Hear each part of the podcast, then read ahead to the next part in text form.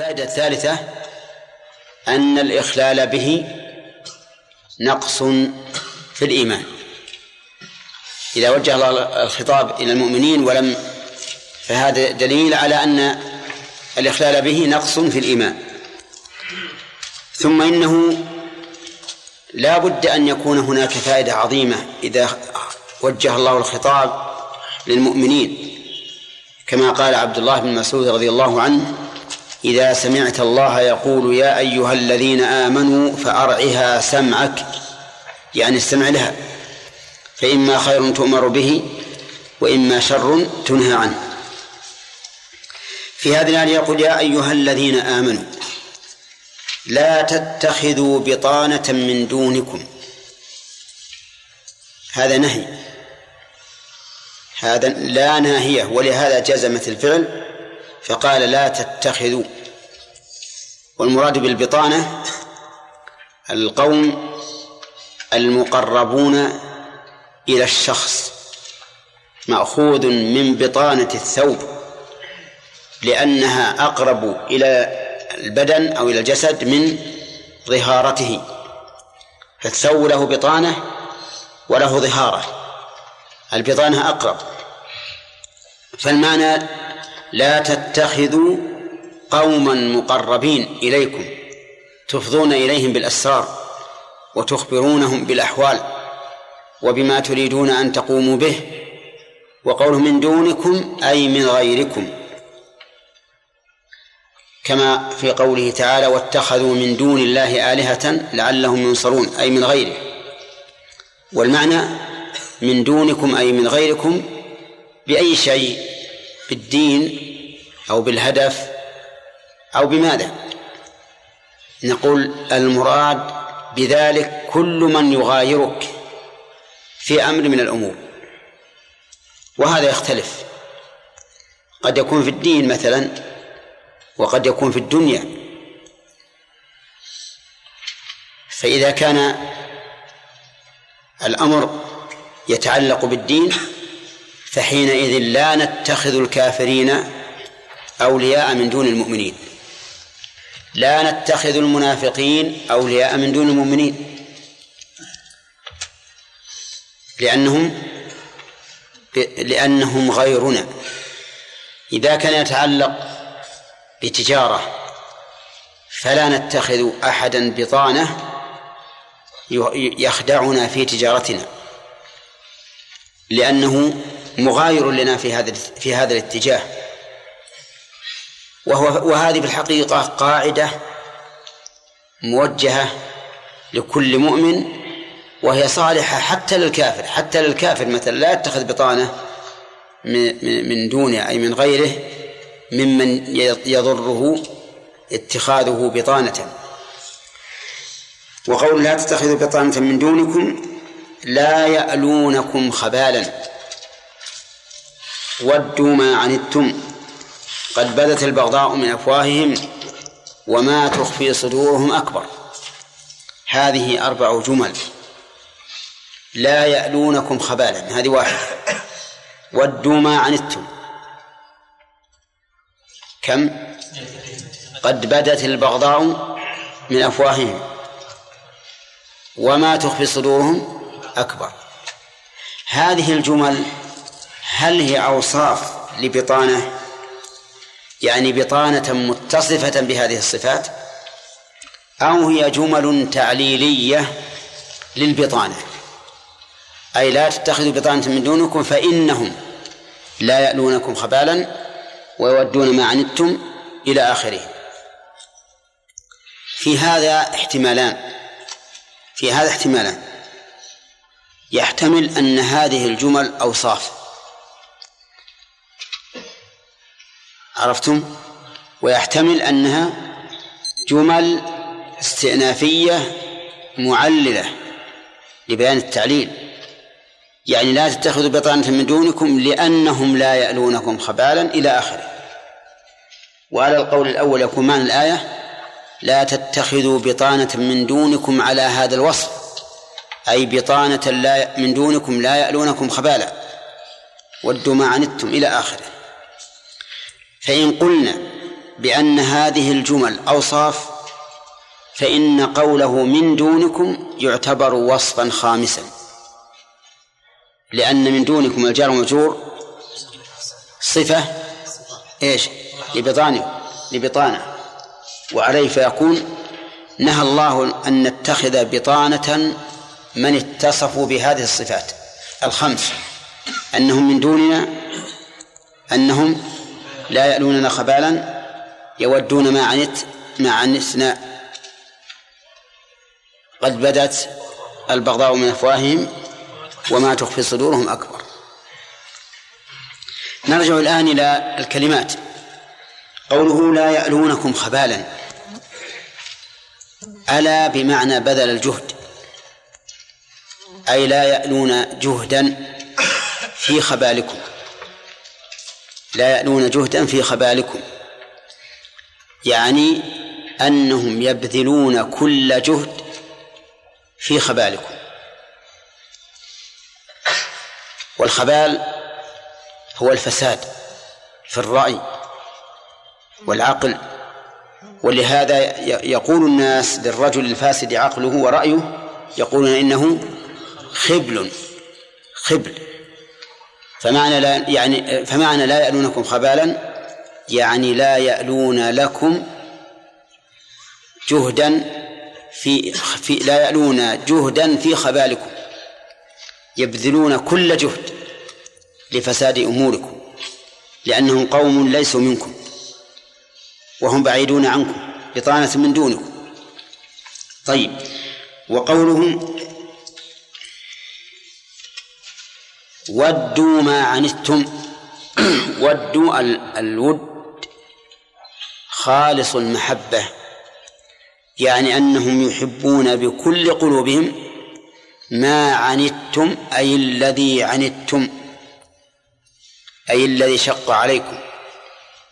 ويحتمل أن تكون ما مصدرية. أي ودوا عنتكم والعنت المشقة والشدة. كما قال الله تعالى ولو شاء الله لأعنتكم أي ألحق بكم المشقة. وقال تعالى عزيز عليه ما عنتم أي ما شق عليكم. فالمعنى أن هؤلاء البطانة لا يألون جهدا في فساد أمورنا ويودون بكل قلوبهم العنت علينا والإشقاق والإتعاب. العنت الفكري والبدني والمالي وكل شيء يمكن أن يحقنا فيه مشقة فهؤلاء يودونه الوصف الثالث وقد بدت البغضاء من أفواههم. بدت أي ظهرت. ومن أفواههم من لبيان محل البدو فهي ابتدائية. يعني ظهرت من أفواههم. كأن كأنما يريدون أن يكتموا هذه العداوة البغضاء ولكنها تبدو. لا بد أن تفهم من أقوالهم وإن كانت وإن كانوا لا يريدون هذا. ولهذا لم يقل قد أبدوا البغضاء من أفواههم بل قال قد بدت وهو دليل على أنه أنها جاءت فلتة من أفواههم وإلا فهم يتكتمون يتكتمون في البغضاء من أجل أن يتوصلوا إلى مآربهم في اتخاذهم إيش؟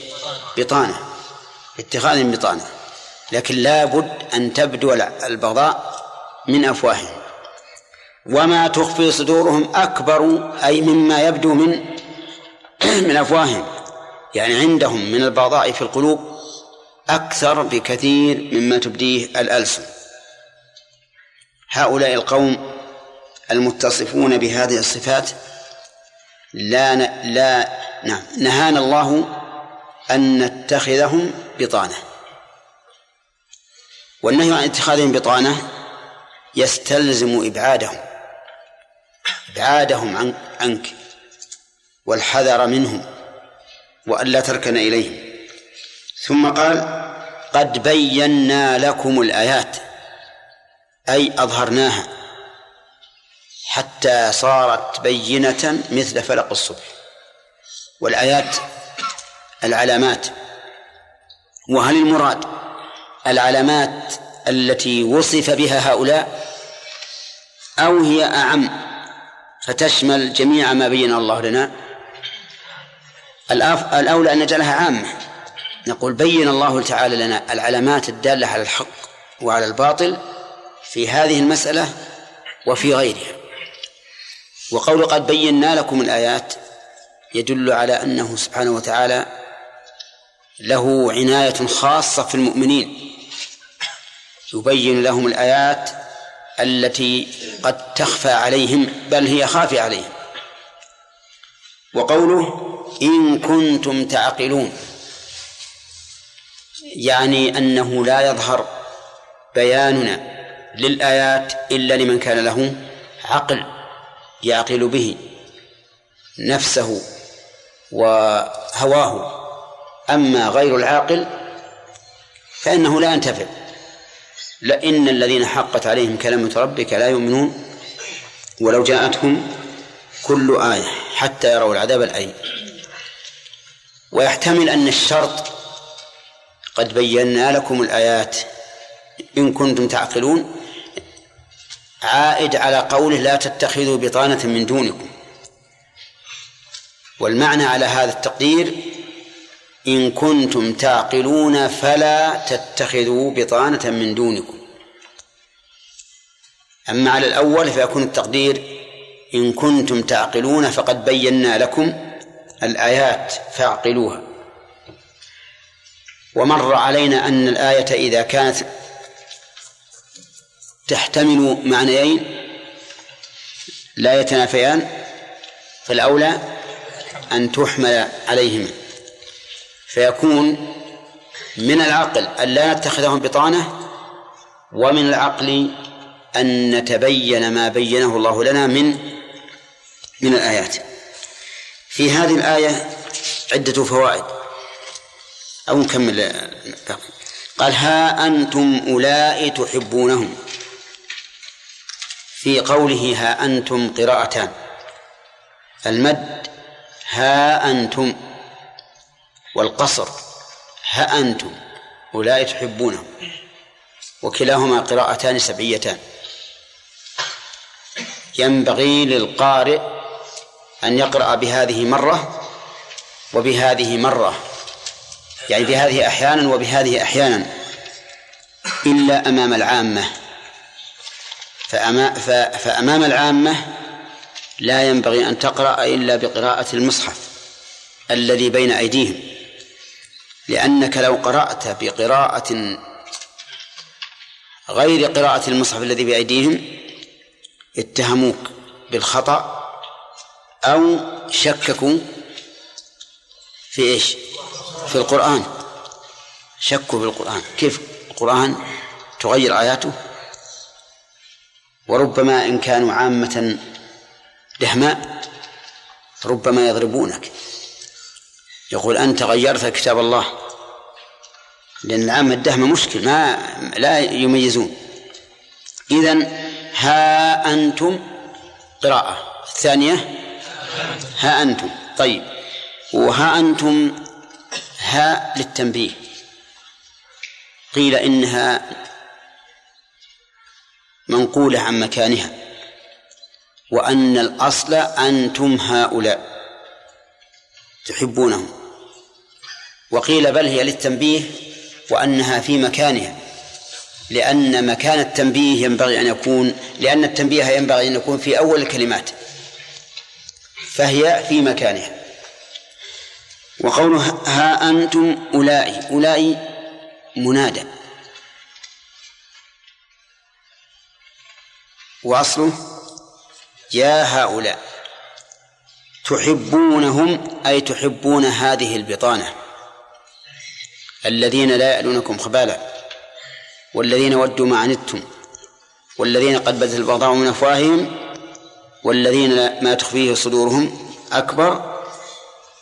تحبونهم وذلك لأن المؤمنين يغلب عليهم سلامة القلب وطهارته وعدم ظن السوء في غيرهم. وكان هؤلاء يتوددون إليهم ويدعون أنهم يصلونهم فيحبهم المؤمنون. بناء على أي شيء؟ على تغريرهم بهم ولا يحبونكم يعني وهم لا يحبونكم مع أنكم تحبونهم. وكيف يحبونها وقد بدت البغضاء من من أفواههم.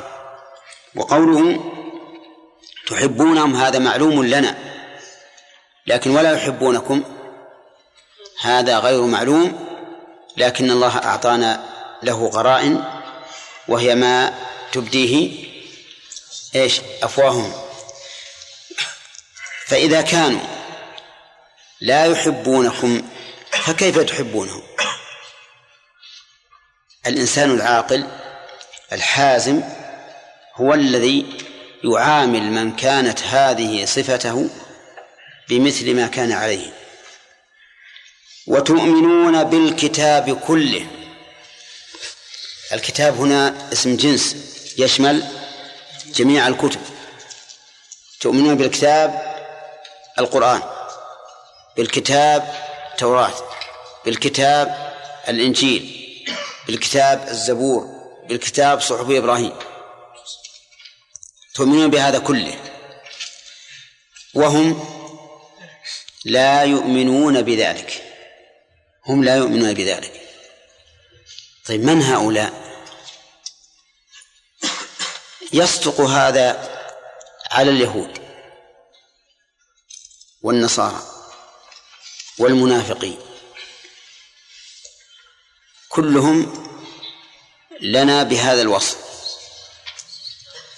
لكن اليهود يدعون أنهم مؤمنون بالتوراة والنصارى يدعون أنهم مؤمنون بالإنجيل. والمنافقون لا يؤمنون بشيء. المؤمنون لا المنافقون لا يؤمنون بشيء. وإذا لقوكم قالوا آمنا نفاقا ومداهنة يقولون بأفواههم ما ليس في قلوبهم. ولهذا قال وإذا خلوا يعني وحدهم أو إلى شياطينهم عضوا عليكم الأنامل من الغيظ. غضوا عليكم الأنامل من الغيظ أي من شدة الغيظ. لكن من شدة الغيظ لما يرون من نعمة الله عليكم أو من شدة الغيظ لعدم إيمانكم اتباعكم لهم.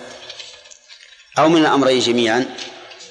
من الأمرين جميعا. بل ربما نقول يشمل أيضا ما ادعوه يشمل أيضا ما ادعوه في أنهم أمضوا مع المسلمين وقتا ولم يتمكنوا من نيل مآربهم.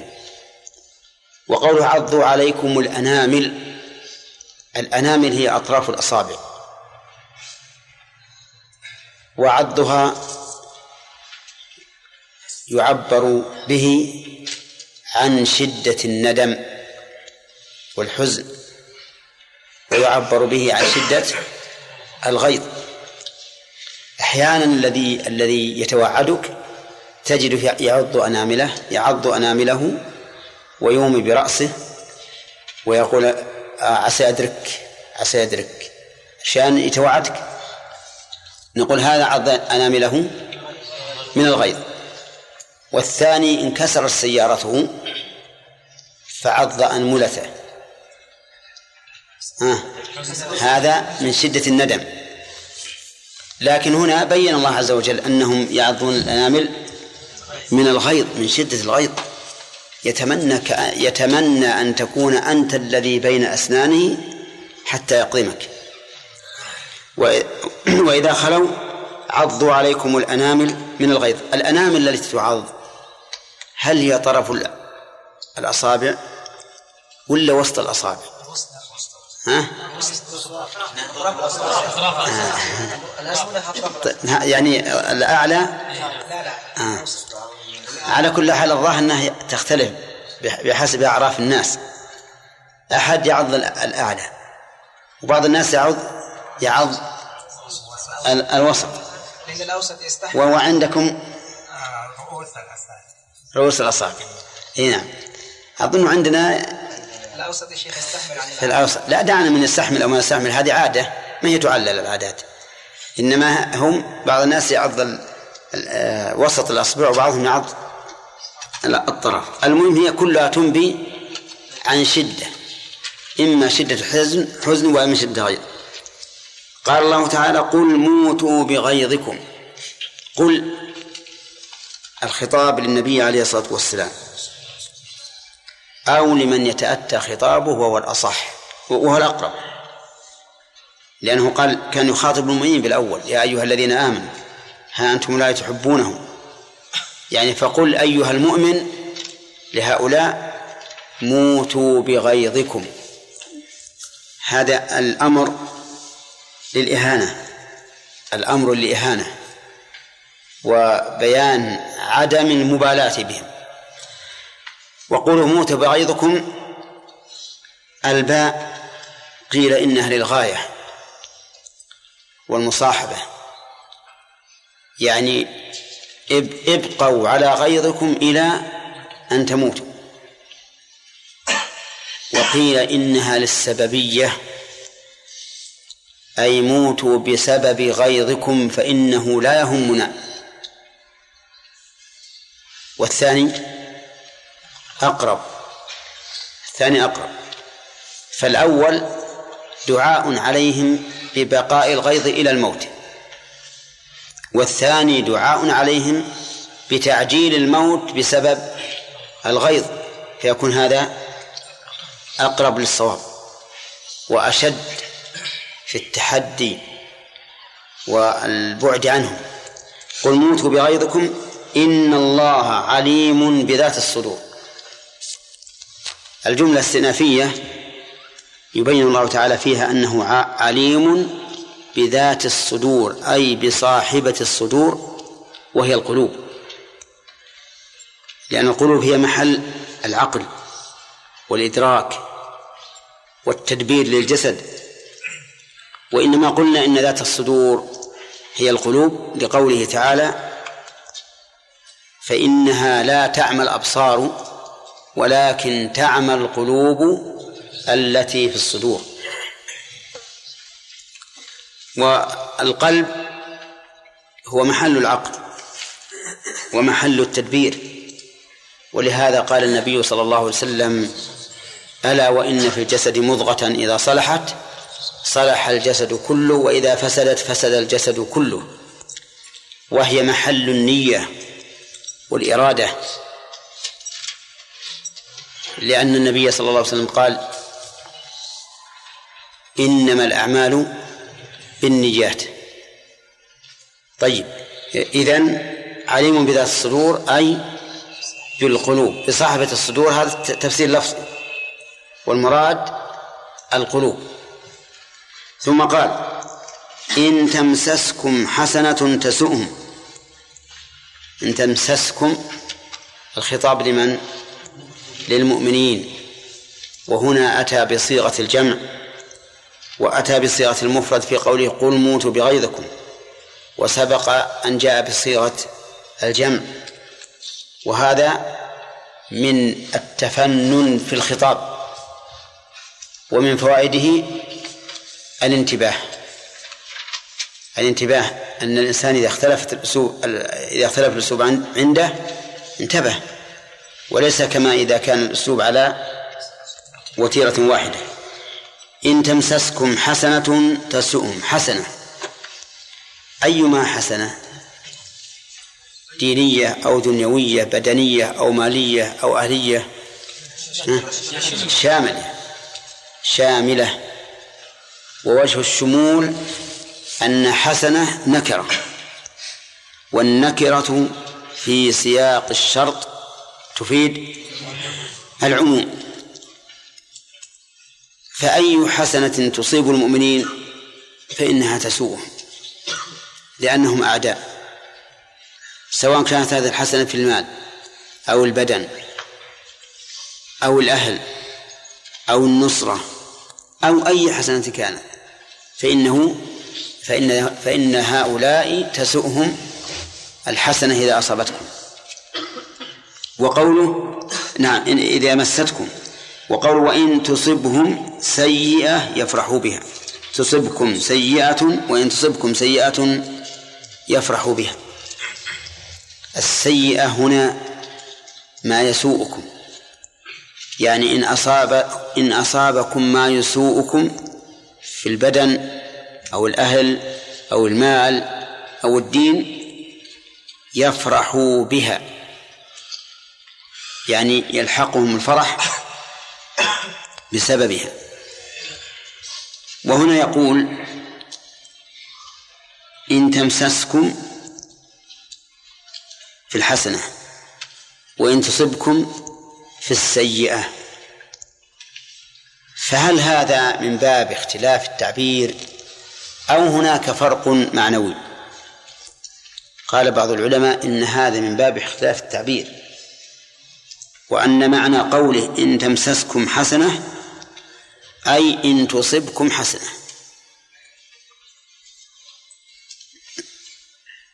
قالوا ودليل ذلك قوله تعالى ما أصابك من حسنة فمن الله وما أصابك من سيئة فمن نفسك.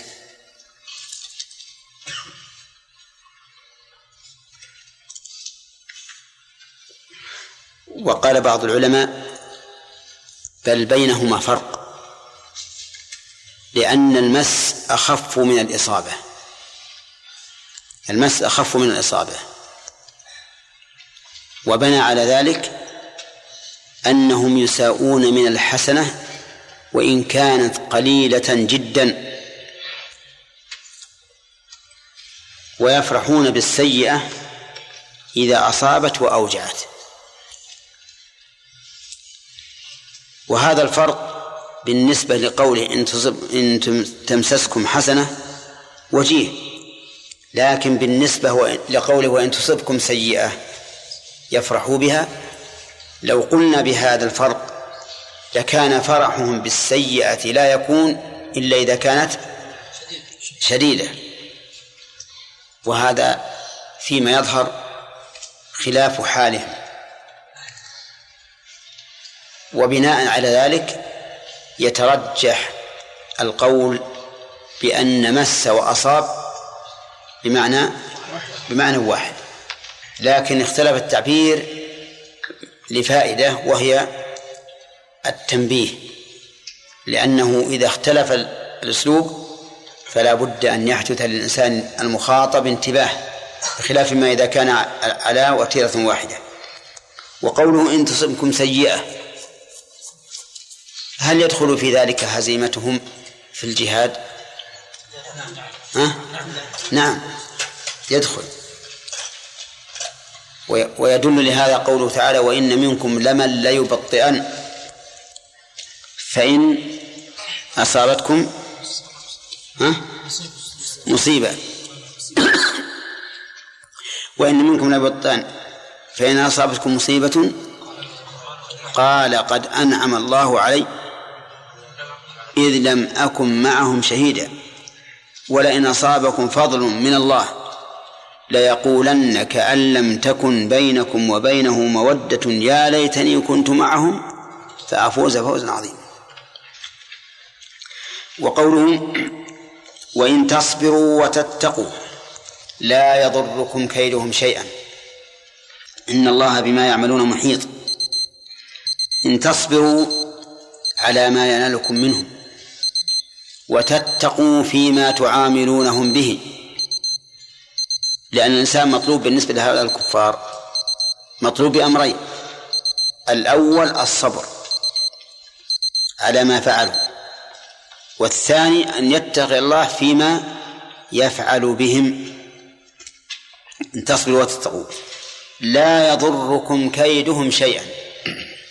لا يضركم كيدهم شيئا. كيدهم الكيد هو المكر. والمكر هو التوصل بالأسباب الخفية إلى الإيقاع بالخصم. التوصل بالأسباب الخفية إلى الإيقاع بالخصم. فخرج بقولنا التوصل بالأسباب الخفية ما إذا توصل بأمر معلوم. للإيقاع بخصمه فإن هذا لا يسمى مكرا. مثل أن يأتيه على وجه صريح فيقتله. لكن إذا أتاه على وجه خفي فقتله نقول هذا مكر وكيد.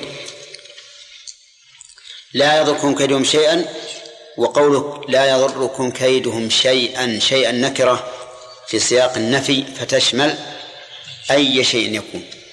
فالكفار إذا عاملناهم بالصبر والتقوى فلن يضرونا شيئا. إن الله بما يعملون محيط. نعم. في إيش؟ نرى في المؤمنين نعم. ان منهم هل جميع الكتاب الذين يحذرون الله سبحانه وتعالى منهم؟ على هذه الدرجة ومن المؤمنين من يبحثون عن ملذات وشهوات فقط ولا يدافعون عن دين الله ولا ينصرون هذا على كل حال تأتي بالفوائد. نعم. شيخ. نعم يا شيخ. أحسن الله إليك يا شيخ. كيف يكون الكفار يأخذ يأخذون بطانة منهم وهم كفار يعني. أي بطانة فهي كافرة كيف؟ يعني كل ملتهم واحدة يعني. أي نعم. فقلنا إن المفروض تكون لو كانت خائنة الفرقة الثانية فينبغي لا يأخذوها بطانة. فالكفار ملتهم واحدة يعني كيف؟ أي لكن لكنهم قد يخون بعضهم بعضا لمصالحهم الدنيوية. وقالت اليهود ليست النصارى على شيء وقالت النصارى ليست اليهود على شيء؟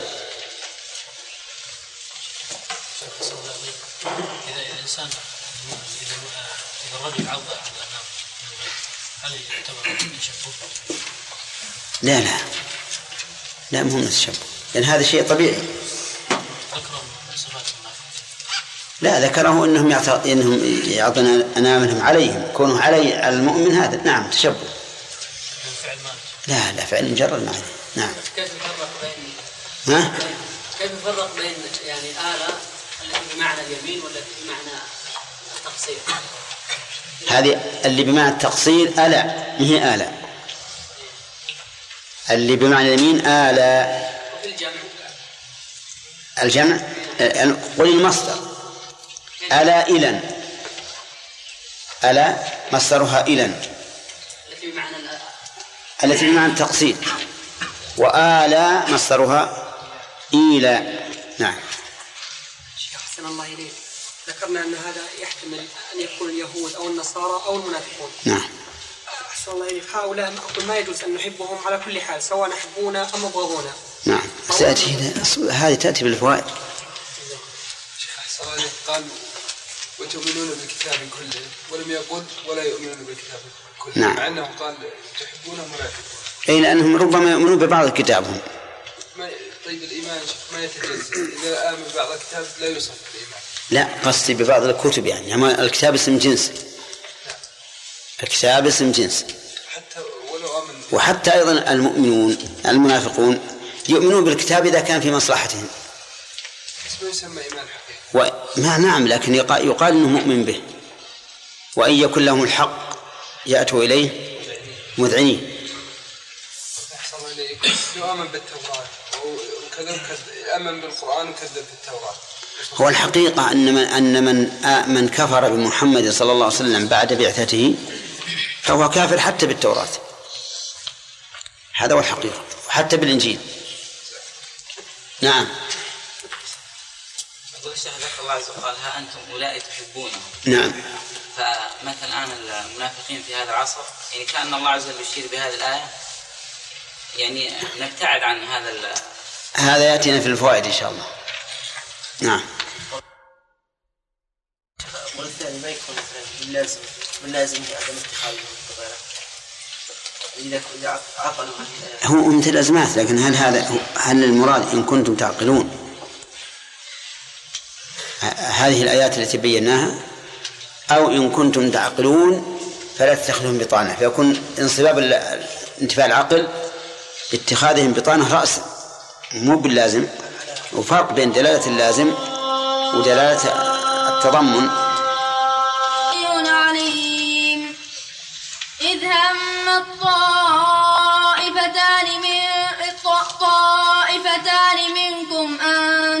تفتشل أن تفشلا. والله وليهما. وعلى الله فليتوكل المؤمنون. ولقد نصركم الله ببدر وأنتم أذلة. فاتقوا الله لعلكم تشكرون. بس. أعوذ بالله من الشيطان الرجيم. أظن أنها باقى علينا فوائد. نعم. شرح. قال الله تعالى إن تمسسكم حسنة تسؤهم وإن تصبكم سيئة يفرحوا بها. وإن تصبروا وتتقوا فإن ذلك من عزم الأمور. لا يضركم كيدهم شيئا. إن الله بما يعملون محيط. هذه الآية تكلمنا على أولها.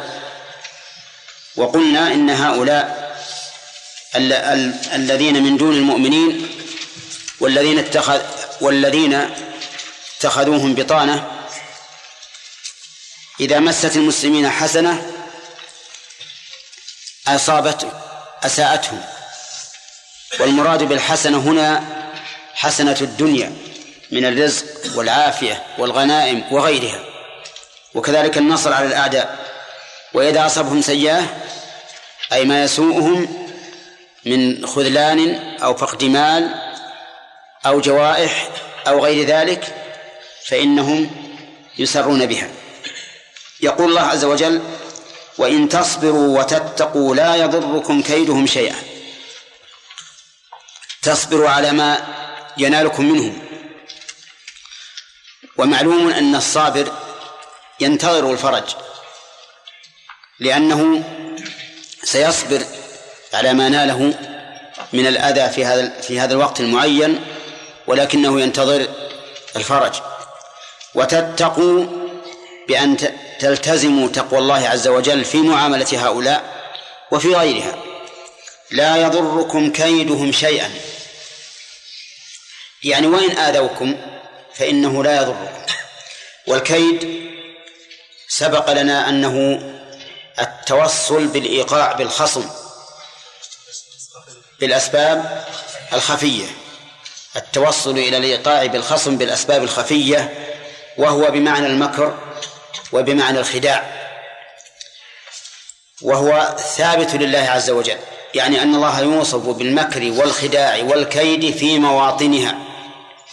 بخلاف الخيانة فإن الله لا يوصف بها لأنها صفة ذم بكل حال.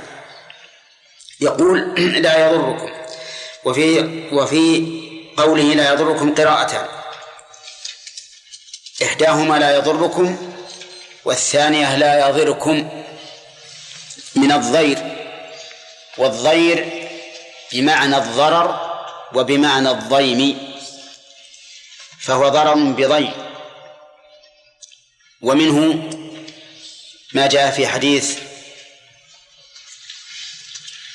رؤية الله سبحانه وتعالى حيث قال النبي صلى الله عليه وسلم إنكم سترون ربكم كما ترون القمر ليلة البدر لا تضارون ولا تضارون أي لا يلحقكم ضير. هنا يقول لا يضركم كيدهم وقراءة لا يضركم فيكون النفي فتكون القراءتان لكل و... كل واحدة منهما أفادت معنى غير الأخرى. لأن مطلق الضرر دون مطلق الضير فالضير أشد فهم لا يلحقون بضرر ولا بضير. وقول شيئا نكرة في سياق النفي فتكون عامة يعني أي شيء يكون. ولكن هل يلحقهم من ذلك أذى؟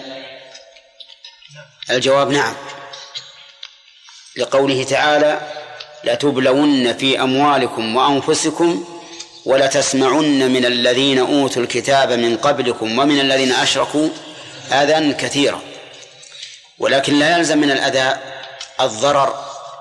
ولهذا قال الله تعالى في الحديث القدسي يا عبادي إنكم لن تبلغوا ضري فتضروني وأثبت أن بني آدم يؤذونه. فقال يؤذيني ابن آدم يسب الدهر.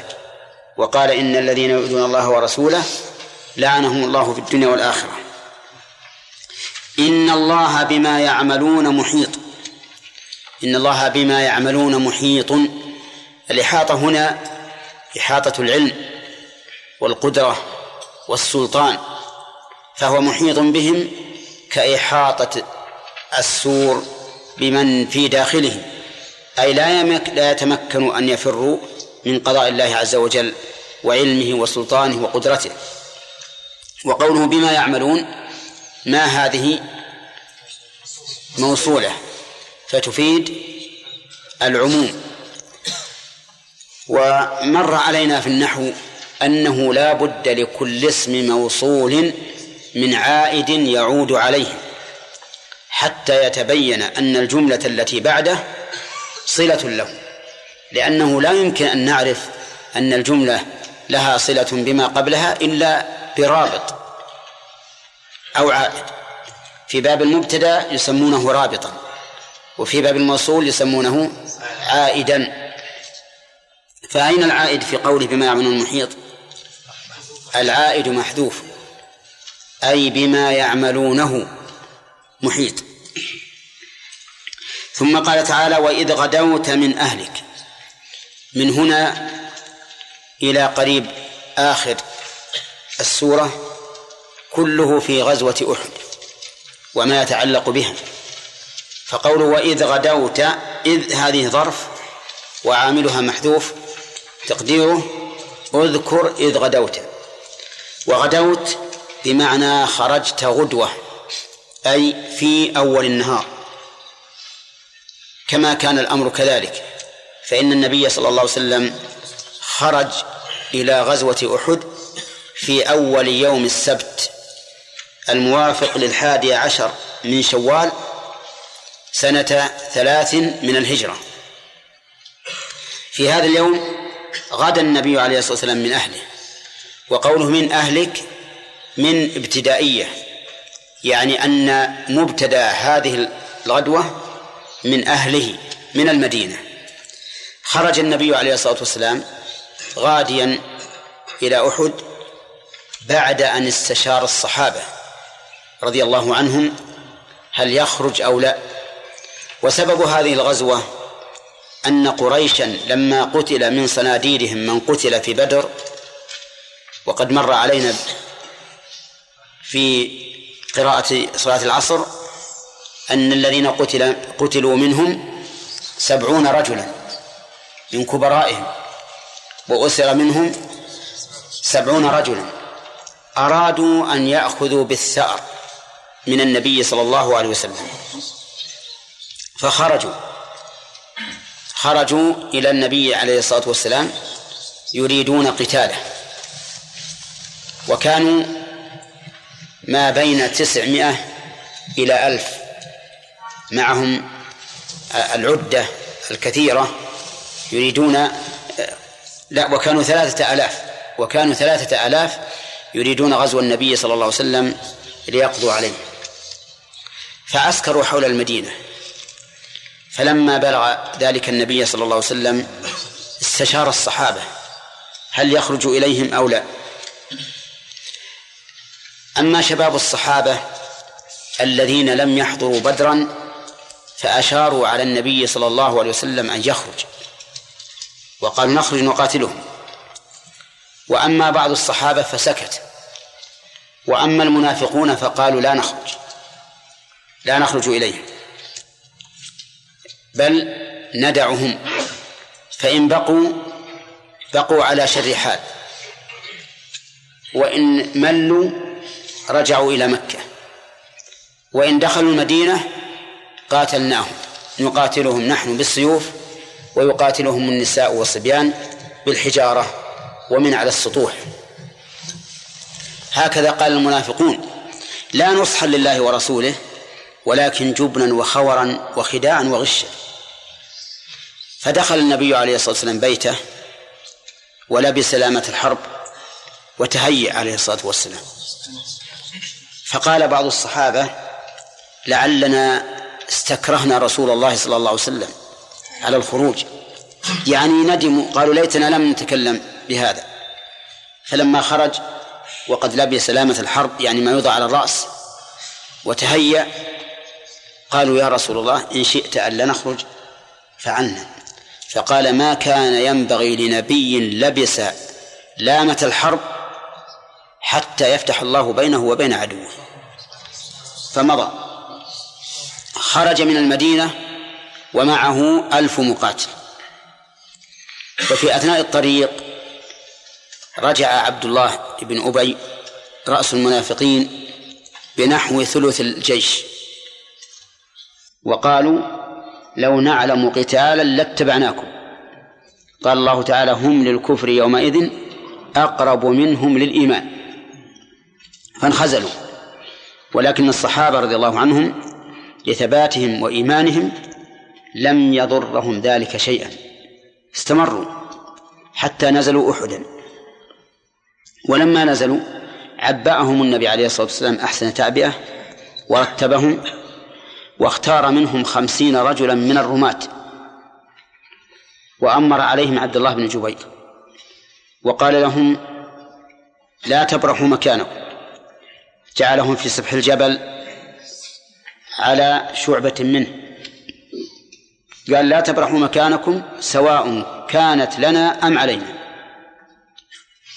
فبقوا يحمون ظهور المسلمين. فحصل القتال في أول النهار وكانت الدائرة على المشركين. فتولوا الأدبار. فجعل المسلمون يجمعون الغنائم. فلما رأى أهل الجبل حال المسلمين وأن المشركين قد ولوا الأدبار وصار المسلمون يجمعون الغنائم. قالوا ننزل لنساعد إخواننا في جمع الغنائم. انتهى الحرب. فذكرهم أميرهم قول النبي صلى الله عليه وسلم لا تبرحوا مكانكم سواء كانت سواء كانت لنا أم علينا. ولكنهم أصروا إلا أن ينزلوا فنزلوا. فلما رأى فرسان قريش أن الثغر خال وليس هناك أحد يحمي المسلمين من ورائهم كروا عليهم بخيولهم من خلفهم ودخلوا وكان على رأسهم قائدان عظيمان وهما خالد بن الوليد وعكرمة بن أبي جهل رضي الله عنهم قبل إسلامهما فاختلط الناس بالمسلمين من ورائهم. وحصل ما قضى الله وأراد سبحانه وتعالى لحكمة عظيمة. وقتل من المسلمين سبعون رجلا. وجرح النبي عليه الصلاة والسلام. وكسرت رباعيته. وشج وجهه.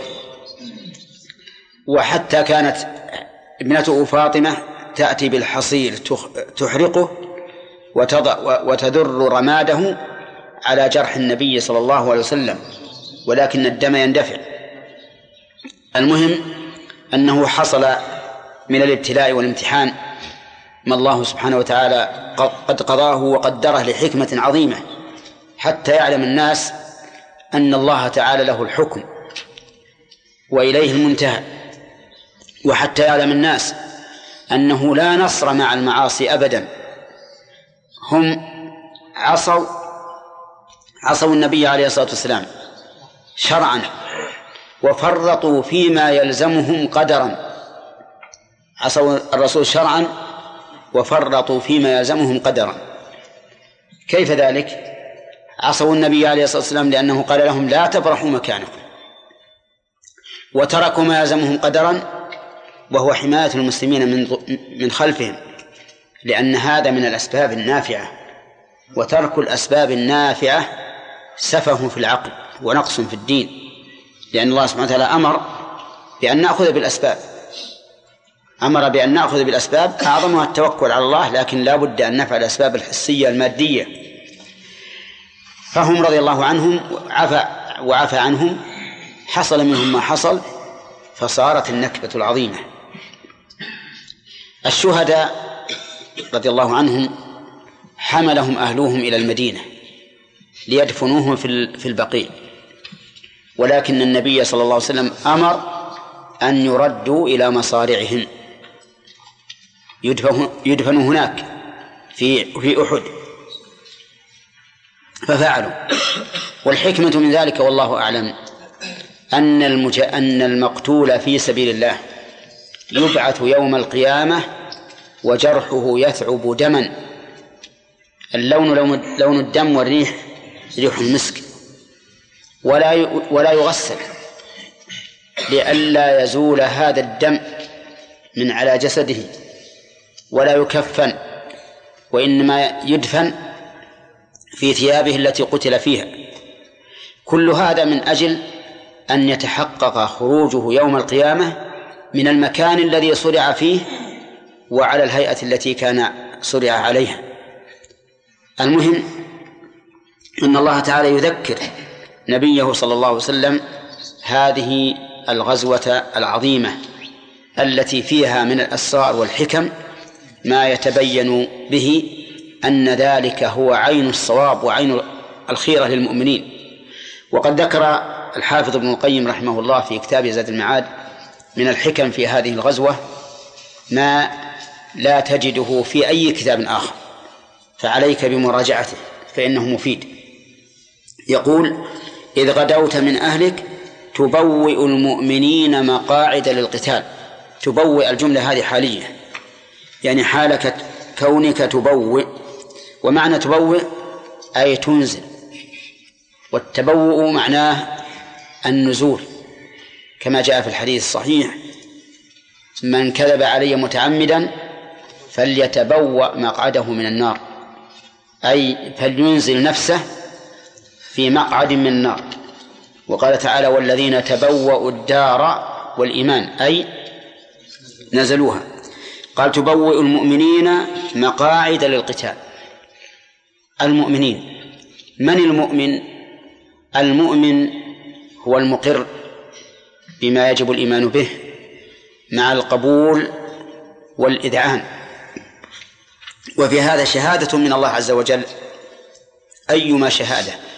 على أن هؤلاء الذين شهدوا هذه المعركة إيش؟ مؤمنون. تبوئ المؤمنين. مقاعد للقتال. الله أكبر. مقاعد للقتال. ويثبتون. ويقعدون. كثبوت القاعد. ولهذا قال مقاعد ولم يقل منازل. ولم لماذا؟ من أجل أن يكون هذه الأماكن التي بوئوها مكان ثبات كثبات القاعد في مجلسه.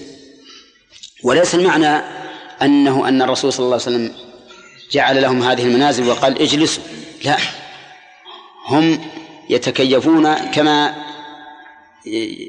كما يناسب مصلحة الحرب لكنها سميت مقاعد من أجل الثبات فيها. للقتال يعني لقتال الأعداء. وتعلمون أن المقاتل لن يبقى في مكانه دائما بل هو يكر ويفر حسب ما تقتضيه المصلحة. والله سميع عليم. سميع عليم أي سميع لما تقول لهم عليم بأحوالكم. وقد نقول إن إن كلمة سميع أعم من كونها لما يقول لهم حين ترتيبهم وتبويئهم فتكون أشمل وهذا هو الأحسن. يعني كل ما كان اللفظ شاملا كان أحسن وأعم. عليم أي عليم بما يحدث من قول وفعل وحال وحاضر ومستقبل. ثم قال عز وجل إذ هم الطائفتان منكم أن تفشلا والله وليهما. إذ هذه قال المفسرون أو المعربون إنها بدل من إذ الأولى.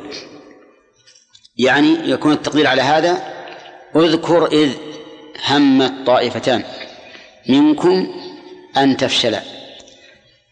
همت الهم يطلق على مجرد حديث النفس. ويطلق الهم على العزم. يعني أن الإنسان قد يهم يحدث نفسه هل يفعل أو لا يفعل يقال هذا هم.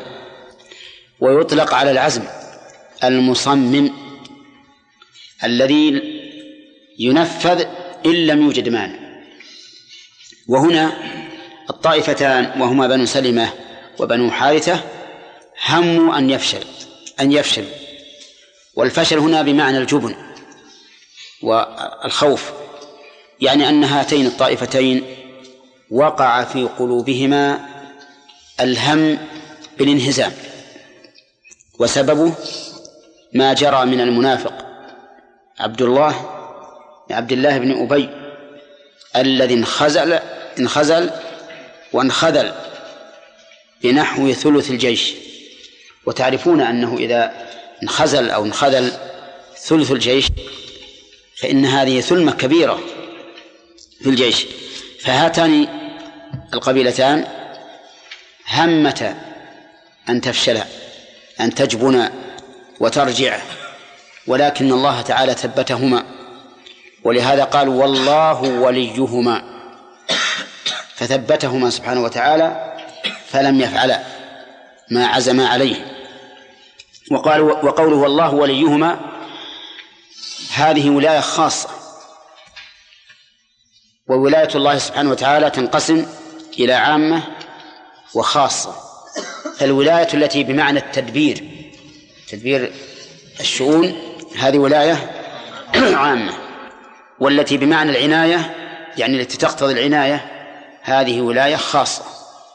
هذه الولاية لا شك أنها خاصة.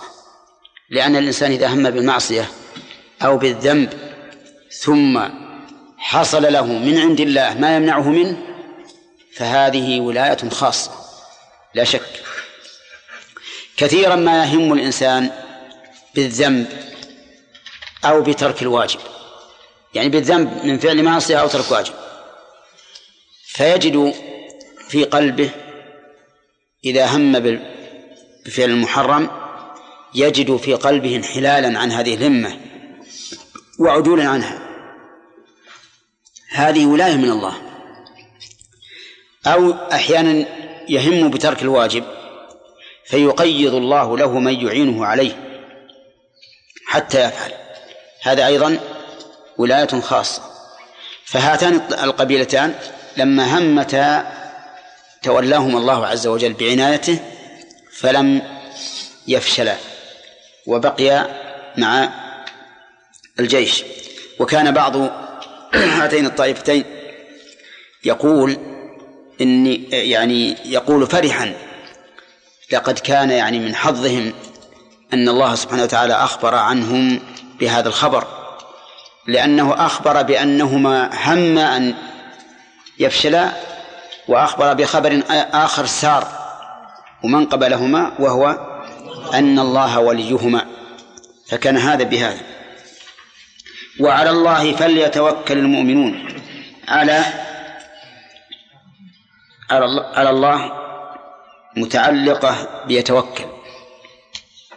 وقدمت لإفادة الحصر. يعني على الله لا على غيره فليتوكل. والتوكل قال أهل العلم هو صدق الاعتماد على الله في جلب المنافع ودفع المضار مع الثقة به وفعل السبب الذي أمر به. رحمك الله هذا التعريف طويل لكنه جامع. صدق الاعتماد على الله في جلب المنافع ودفع المضار مع الثقة به وفعل الأسباب التي أمر بها. أعيدها ثالثة. صدق الاعتماد على الله في جلب المنافع ودفع المضار مع الثقة به وفعل الأسباب التي أمر بها. أعدها علينا. صدق الله. العادة الصغير ما شاء الله ما على طول يحفظ نعم. الصدق والاعتماد على آه. الله دفع المضار و- وجلب المنافع. مع الثقة به به وفعل الأسباب التي أمر بها. طيب. إذن لا يكفي أن تصدق الاعتماد على الله حتى يكون في قلبك ثقة بأن الله سيعينك ويكفيك. كما قال تعالى ومن يتوكل على الله فحسبه ولا يكفي أيضا أن تعتمد على الله وتثق به إلا حتى تفعل الأسباب التي أمر بها. لأنك إن لم تفعل الأسباب التي أمر بها كنت متواكلا لا متوكلا. ويذكر أن أمير المؤمنين عمر, عمر بن الخطاب رضي الله عنه قيل له إن قوما من أهل اليمن جاءوا حجاجا وليس معهم زاد فقالوا نحن المتوكلون. فقال إنهم ليسوا بمتوكلين ولكنهم متواكلون. متواكلون. بمعنى أنهم مفرطون مهملون. فلو أن أحدا قال أنا سأعتمد على الله تعالى في جلب الرزق في أن الله سيرزقني وهو قادر على فعل الأسباب ولكن لم يفعل قلنا أنت مهمل متواكل. افعل السبب هو الذي جعل لكم الأرض ذلولا فامشوا في مناكبها وكلوا من رزقه. قد يقول ربما يموت قريب لي فأرثه. فهذا من رزق الله. نقول وإذا ما مات؟ إذا لم يمت تقتله؟ حتى لو قتله ليأخذ ماله؟ ها؟ حرم من الميراث. لأن القاتل عمدا لا يرث. فالحاصل أنه لا بد لصحة التوكل من فعل الأسباب التي أمر الله بها. أما الأسباب التي لم يأمر الله بها فإنه لا يجوز للإنسان أن يتعاطاها. وقول فليتوكل المؤمنون أمر المؤمنين أن يتوكلوا على الله لأن لأنه لا يمكن أن يحقق التوكل إلا المؤمن. فالتوكل من مقتضيات الإيمان والإيمان الحقيقي من أسباب التوكل على الله. نرجع الآن لنأخذ الفوائد من حتى لا نذهب بعيدا. آه، آخر فائدة كتبنا. نعم. قال الله تعالى يا أيها الذين آمنوا لا تتخذوا بطانة من دونكم لا يألونكم خبالا إلى آخره. في هذه الآية الكريمة تحريم اتخاذ البطانة التي ليست منا لقوله لا تتخذوا والأصل في النهي التحريم. ومن فوائدها أن هذا التحذير ليس خاصا بولاة الأمور بل كل إنسان لا يجوز له أن يتخذ بطانة من دونه.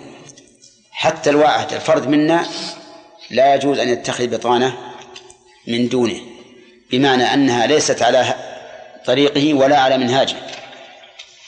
فلو أن رجلا صادق مسلما لو أن رجلا مسلما صادق كافرا واتخذه بطانة يسر إليه بالأمور لقلنا إن هذا حرام عليه. ويؤيد ذلك قوله تعالى يا أيها الذين آمنوا لا تتخذوا عدوي وعدوكم أولياء تلقون إليهم بالمودة وقد كفروا بما جاءكم من الحق يخرجون الرسول وإياكم إلى قوله تسرون إليهم بالمودة وأنا أعلم بما أخفيتم وما أعلنتم. من فوائدها أن تجنب البطانة السيئة من مقتضيات الإيمان. لأن الخطاب وجه إلى من؟ إلى المؤمنين. ومن فوائدها أن اتخاذ البطانة بطانة السوء من نواقص الإيمان. صح؟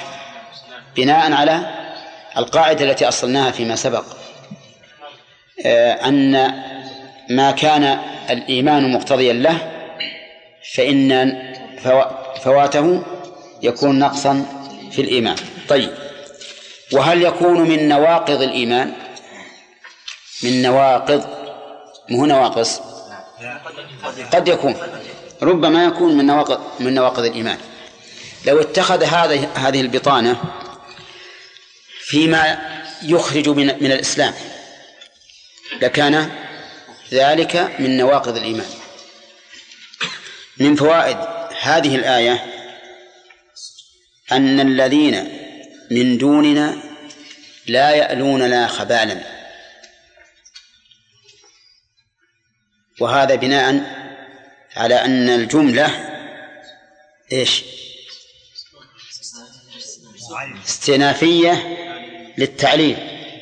وقد ذكرت لكم في التفسير أن من العلماء من قال إنها صفة لما لما قبلها وأن وأن الذين من دوننا إذا كانوا لا يألوننا خبالا فلا بأس أن نتخذهم بطانة. ولكن الظاهر الأول أن الجملة استئنافية للتعليل. يعني أن, أن الذين من دوننا لا يألوننا خبالا. ولنضرب لذلك مثلا بالمؤمنين يتخذون بطانة من الكافرين. فإن الكفار لا شك أنهم لا يقصرون في طلب الخبال لنا. طيب. يذكر أن عمر بن الخطاب رضي الله عنه أرسل إليه أبو موسى يريد منه أن يولي كاتبا نصرانيا على بيت المال. لأنه أي هذا الكاتب النصراني كان جيدا في الحساب. فكتب إليه عمر ألا تفعل ألا تفعل وأمره بعزله وأعاد عليه مرة ثانية. يطلب منه أن يبقيه كاتبا. فكتب إليه عمر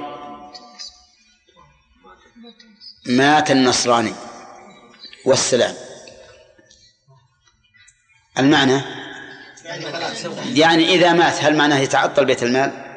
أو حساب بيت المال؟ قدر أنه مات. أما أن نأتمنه على بيت مال المسلمين وقد خان الله ورسوله فلا يمكن. وبه نعرف أنه لا يجوز لا يجوز أن يولى أعداؤنا من الكفار أو غير الكفار. أسرار أمورنا. لأننا إذا وليناهم أسرار أمورنا فقد اتخذناهم بطانة ومن فوائد هذه الآية بيان عناية الله سبحانه وتعالى بعباده المؤمنين حيث حذرهم إلى أمور قد تخفى عليهم وذلك باتخاذ البطانات السيئة. ومن فوائد هذه الآية أن أعداءنا يودون لنا ما يشق علينا. لقوله ودوا ما عنتم. وهنا سؤال هل يودون ما شق علينا في الدنيا أو في الدين أو في الدين؟ ها؟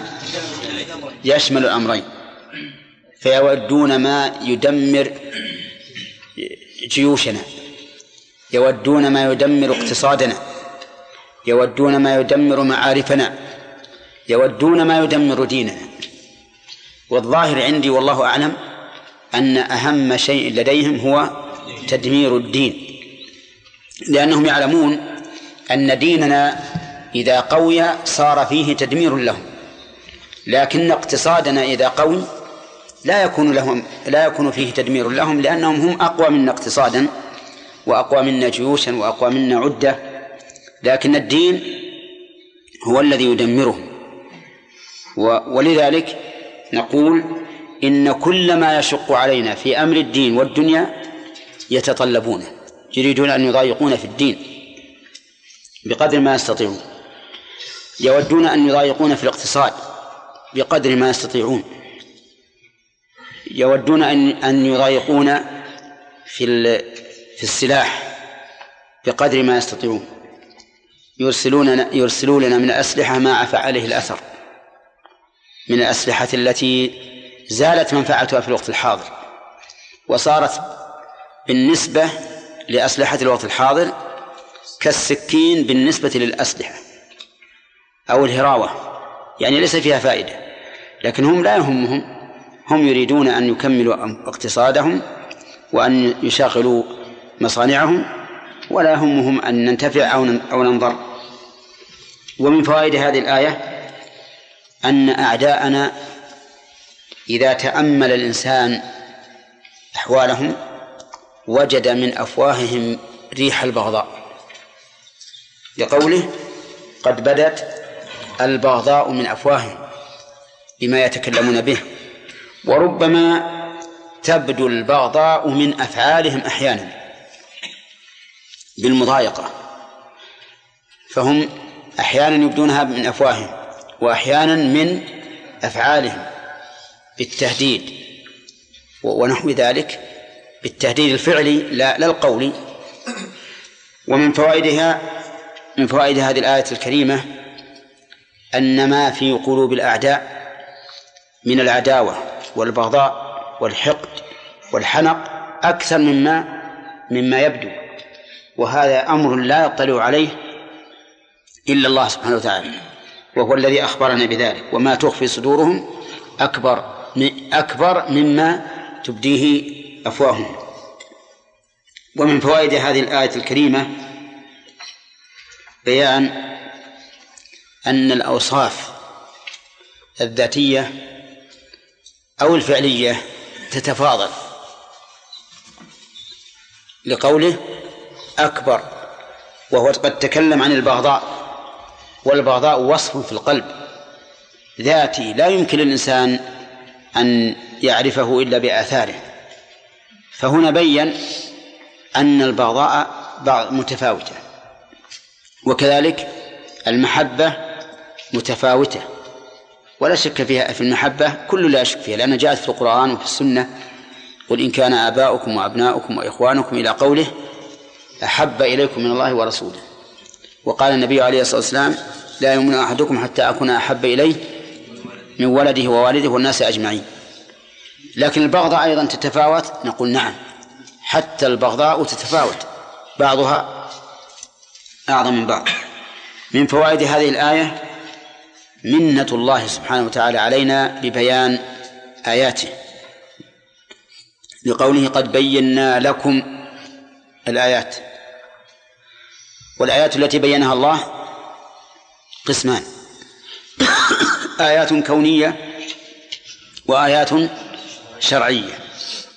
وبيانه لها بيانه لها إما بالمشاهدات الحسية وإما بالتأملات العقلية. فالآيات الشرعية تكون بالتأملات العقلية والآيات الكونية بالمشاهدات الحسية التي قد تكون طريقا إلى التأملات العقلية أيضا. ومن فوائد هذه الآية أن أنه كلما كان الإنسان أشد أشد عقلا أو أقوى عقلا كان أفهم لآيات الله. تؤخذ؟ السؤال الواحد إي نعم. قد بينا لكم الآيات إن كنت تعقلون. إذا كلما كان إنسان عاقل كانت الآيات له أبين وأظهر. ثم قال الله تعالى ها أنتم عندكم أسئلة؟ طيب.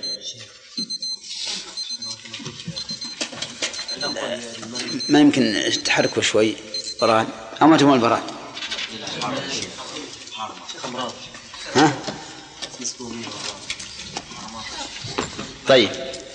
الشخص المريض يا شيخ الافضل يعني يبحث عن العلاج ولا يتوكل على الله. ويدعو الله ان يشفيه؟ هذا فيه خلاف بين العلماء. فمنهم من قال إن ترك الدواء أفضل. ومنهم من قال بل بل الدواء أفضل. ومنهم من قال إذا غلب على عليه النفع من الدواء فهو أفضل. لأن النبي عليه الصلاة والسلام أمر بالتداوي وأمر الله بحفظ النفس. وهذا هو الأصح. أنه إذا كان هذا الدواء معروفا بأن فيه شفاء لهذا المرض فإن الأفضل تناوله تناوله. لأن هذا من نعمة الله كما أن الطعام والشراب يتناوله الإنسان وجوبا. فكذلك هذا إذا غلب على ظنه النفع فالأفضل أن يتداوى. نعم. قال النبي صلى الله عليه وسلم صبرت فلك الجنة. فهم يفضلون ألا يتعالج ويبقى على أي نعم. هذه قضية عين- ربما أن الرسول عليه عليه الصلاة والسلام فهم أنها قد تتغير لو لو لو أنها شفت بال- بالمرة. ولهذا بعض الأحيان يكون المرض للإنسان أحسن من الناحية الدينية. نعم. أحسن الله إليك. ذكرنا أنه لا يجوز أن نولي أعداء الله أسفارنا نعم. لكن أحسن الله إليك. أحيانا يكون الإنسان تكون البلاد في حاجة إلى ذلك. يعني مثل التكنولوجيا على سبيل المثال. لا لا ما هي أسرار ما هي بس صار الصناعة. الصناعة هم أعلم منا بها. يعني هم هم الذين يخفون عنا أسرارهم لأنهم يطلعون على شيء لا نطلع عليه. لكن أسرارنا ماذا ماذا نريد أن نفعل؟ في ترتيب جيوشنا في مصالح شعوبنا في مصالحنا الذاتية إذا كان هذا خاصا. أما مسألة الصناعة فهم فهم في الوقت الحاضر وربما يأتي اليوم الذي نكون نحن نحن أحسن منهم. لكن في الوقت الحاضر هم الذين يخفون أسرارهم عنه نعم. شيخ كان عدد الكفار في غزوة أحد وبدر ثلاثة أضعاف عدد المسلمين. فما سأل النبي صلى الله عليه وسلم أن يستعين بأحد شيء نعم. من أحد القبائل؟ الكفار يعني؟ و- والسؤال. أقول يعني لم يستعن النبي صلى الله عليه وسلم بأحد. إي نعم ما اضطر إلى هذا. الرسول ما اضطر إلى هذا. عددهم ثلاث مرات. إي نعم هو- ربما كم من فئة قليلة غلبت فئة كثيرة. لكن إذا كان ما في ما فيه مناسبة إطلاقا. ما في مناسبة. ماذا يصنعون؟ إذا كان ما في مناسبة يعني مثلا إن إن نعلم علم اليقين أننا في مقابلتنا لهم أو في اعتدائهم علينا لا نستطيع المدافعة. إطلاقا. أما أما ثلاثة مع تسعة مثلا فيه إمكان. في إمكان للغلبة نعم. شيخ بالنسبة للمستشفيات مثلا يكون بديل نصراني كذا في المحل ذاك. يعني كيف؟ يدل الأسرار هذا أسرار المسلمين؟ المستشفيات. يكون مدير المستشفى نصراني مثلا. اي والمستشفى إسلامي ولا ك- يكون في بلد المسلمين في بلد المسلمين؟ لا هذا ما يجوز. هذا ما يجوز أن يولى أسرار المسلمين. يتكشف الن- النساء ورب ولا, ولا يؤمن. لأن النصارى في بلاد أفريقيا يقولون لنا إنهم يعطون المرضى دواء والمريض يظن أنه شفاء ولكنه دواء عقم يعقمون النساء قاتلهم الله. هكذا قيل لي والله أعلم. لكن ما نأمن الكفار؟ كيف نأمنهم ربما يعطوننا أبر تقضي علينا على زمن على المدى البعيد. نعم. هي أفضل الأدوية العربية من الأدوية يعني الحضارية لا والله إذا أمكن إذا أمكن الأدوية الطبيعية أحسن. لأن غالب الأدوية ال- الطبية يكون فيها مواد كيماوية قد تكون ضارة على الإنسان. ولهذا ربما يتناول الدواء هذا الرجل فيضره وذاك الرجل فينتفع به حسب ما فيه من من المواد. إحنا كنا يعني ما- كانت فيه مناسبة أن النبي صلى الله عليه وسلم يستند بالمشركين. ويعني ثبت أنه رد المشرك حينما ذهب ليحارب معه. نعم. وأيضا كانت ال- الروم في في أحد الغزوات تسعة عشر المسلمين نعم. في الغزو. نعم. وأيضا ما استعان بالمشركين. نعم. صحيح. كيف نكون يعني إذا تسعة عشر. مثل إيش؟ يعني أو العشرة. مثل إيش اللي 19 الروم. مثل إيش؟ في أي غزوة؟ في غزوة عين جالوت تقريبا. أو غزوة ال- غزوة موتة هذا أنا أنا أفهم إن عين جالوت ما هي ما هي بعهد الرسول عليه الصلاة والسلام. موتة يا شيخ موتة موتة يا شيخ موتة إيه. والقادسية أيضا. نعم. والقادسية. اولا هو نفسه ما غزا في في موته. هو نفسه ما غزا في موته. غزنا أرسل جيشا للروم. وحصل ان إن الروم تجمعوا وما ظن المسلمون إنه بهذا بهذا التجمع. ولهذا حاز حازهم خالد بن الوليد إلى الجبل ففتح الله عليه. ولذلك ما استعان يلا توكلنا. على الله 171 71 171 هذا على شيخ. ها؟ مسجل سجل. داخل في الشرح وداخل في الشرح بسم الله الرحمن الرحيم. الحمد لله رب العالمين والصلاة والسلام على نبينا محمد وعلى آله وصحبه أجمعين. قال ابن القيم رحمه الله تعالى فصل في غزوة بدر. قال ابن القيم رحمه الله تعالى في زاد المعاد فصل في غزوة بدر الكبرى. فلما كان في رمضان من هذه السنة بلغ رسول الله صلى الله عليه وسلم خبر العير المقبلة من الشام لقريش صحبة أبي سفيان وهي العير, وهي العير التي خرجوا في طلبها لما خرجت من مكة وكانوا نحو أربعين رجلا وفيها أموال عظيمة لقريش فندب رسول الله وفيها أموال عظيمة لقريش فندب رسول الله صلى الله عليه وسلم الناس للخروج إليها وأمر من كان ظهره حاضرا بالنهوض ولم يحتفل لها احتفالا بليغا لأنه خرج مسرعا في ثلاثمائة وبضعة عشر رجلا ولم يكن معهم من الخيل إلا فرسان فرس للزبير بن العوام وفرس للمقداد بن اسود الكندي وكان معهم سبعون بعيرا يعتقب الرجلان والثلاثة على البعير الواحد فكان رسول الله صلى الله عليه وسلم وعلي ومرثد بن أبي مرثد الغنوي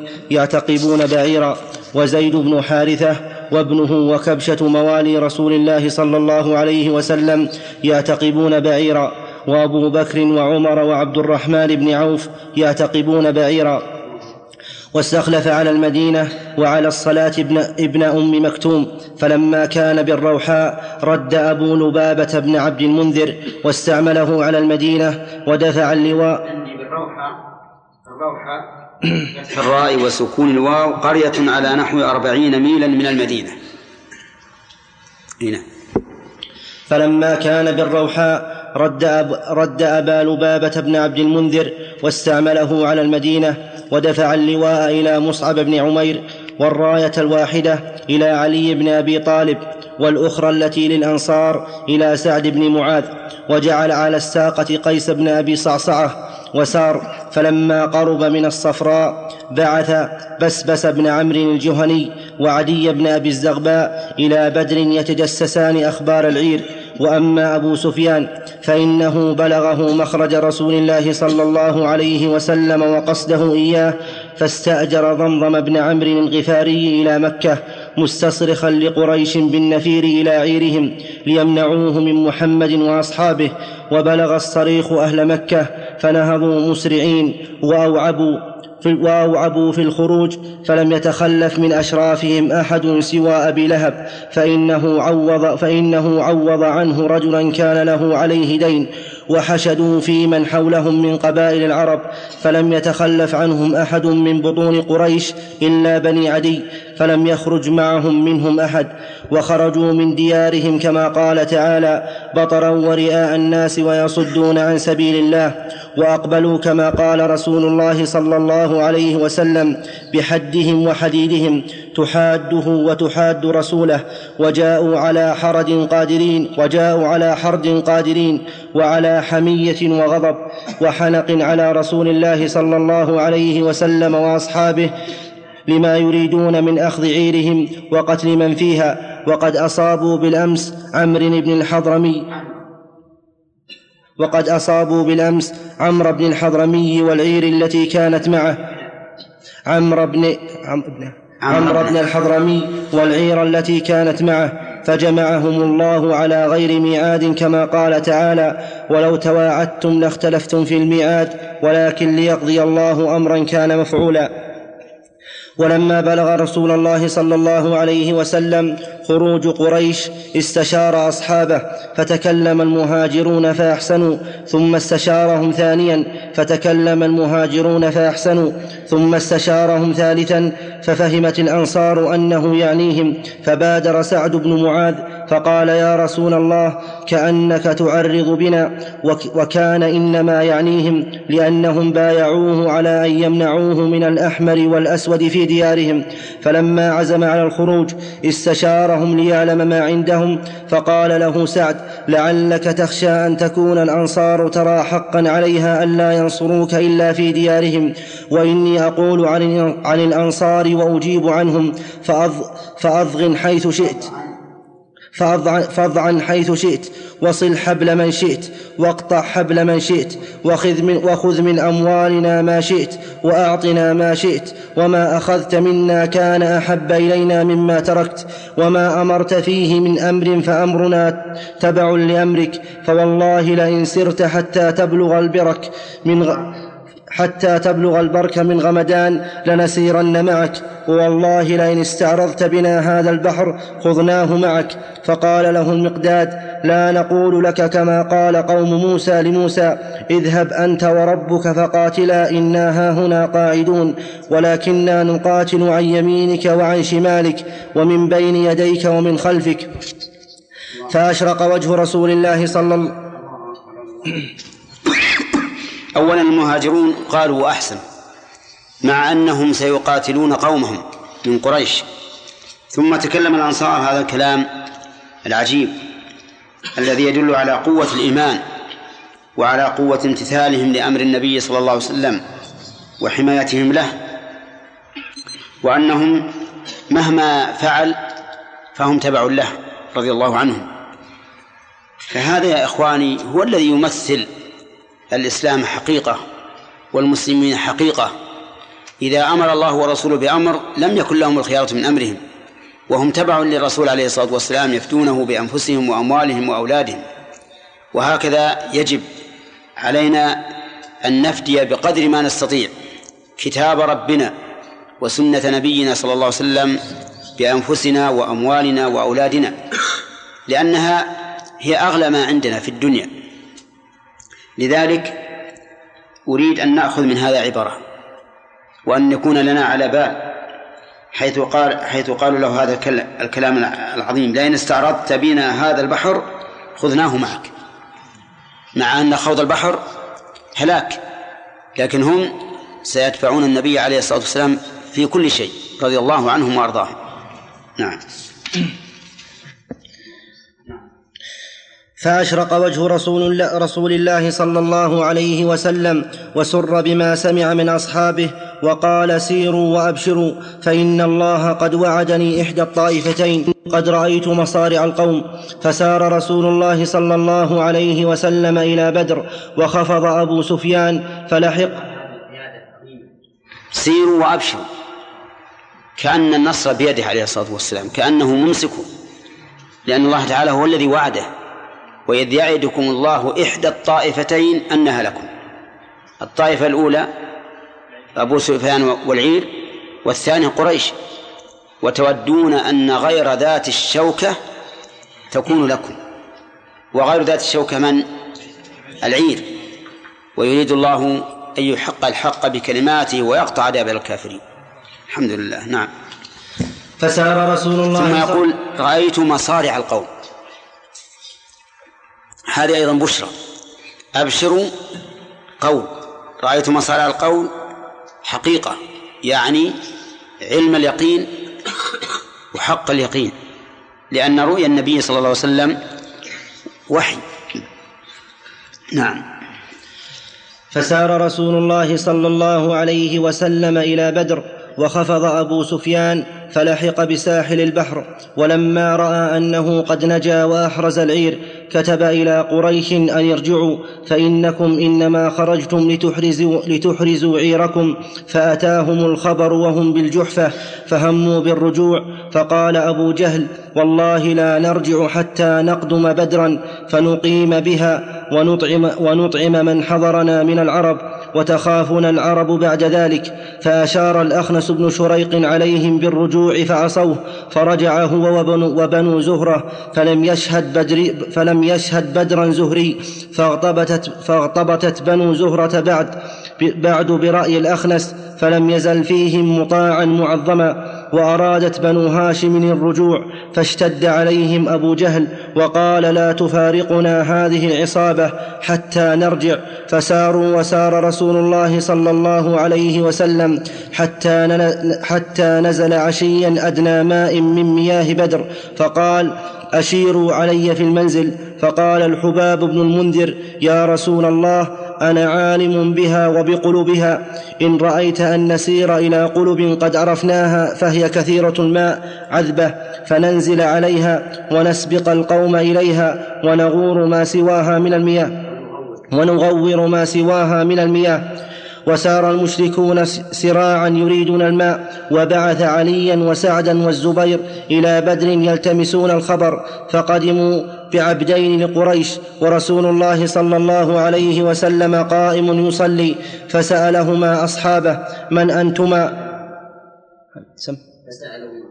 فسألهما أصحابه من أنتما؟ قالا نحن سقاة لقريش فكره ذلك أصحابه وودوا لو, كا وودوا لو كانا لعير أبي سفيان. فلما سلم رسول الله صلى الله عليه وسلم قال لهما أخبراني أين قريش؟ قالا وراء هذا الكثيب. فقال كم القوم؟ فقال لا علم لنا. فقال كم ينحرون كل يوم؟ فقال يوما عشرا ويوما تسعا.